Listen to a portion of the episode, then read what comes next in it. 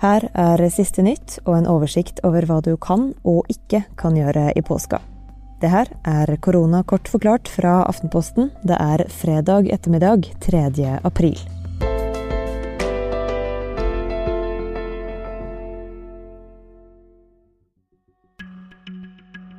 På verdensbasis er nå over 52 000 meldt døde etter å ha blitt smitta av viruset, de fleste av dem i Europa. Både Italia, Spania og Frankrike har nå passert Kina i antall registrerte dødsfall. Samtidig er 212 000 mennesker i verden friskmeldt. Nå er over 400 000 mennesker registrert som helt eller delvis arbeidsledige her i Norge. Det er 14,7% av arbeidsstyrken. Og i Norge har dødstallet steget til over 50, mens tallet på innlagte har gått litt ned det siste døgnet.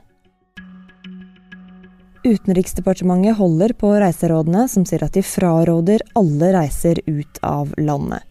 De som likevel drar, kan ikke regne med å få hjelp av departementet til å komme seg hjem igjen.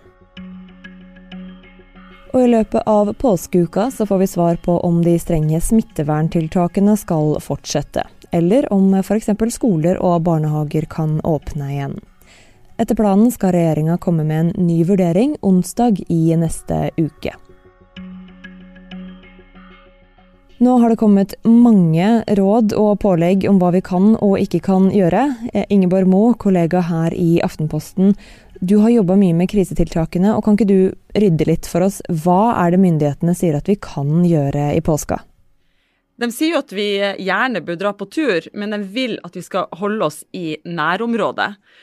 De sier at det er lov å dra på telttur, det er lov å dra i båten, det er også lov å campe.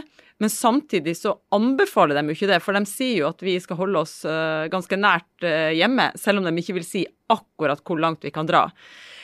Og eh, dette er vel noe som har kommet opp fordi at vi har sett de siste ukene at særlig i Oslo da, så er det blitt ganske fullt på utfartsstedene. Og det myndighetene vil, er jo at vi ikke skal gå for tett, at det ikke skal være for mange mennesker på samme sted.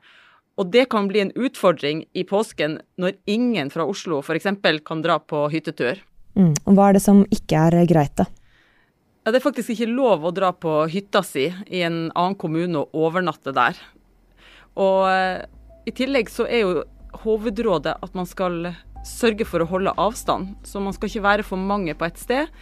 Tilrådinga er jo at man ikke skal være mer enn fem sammen.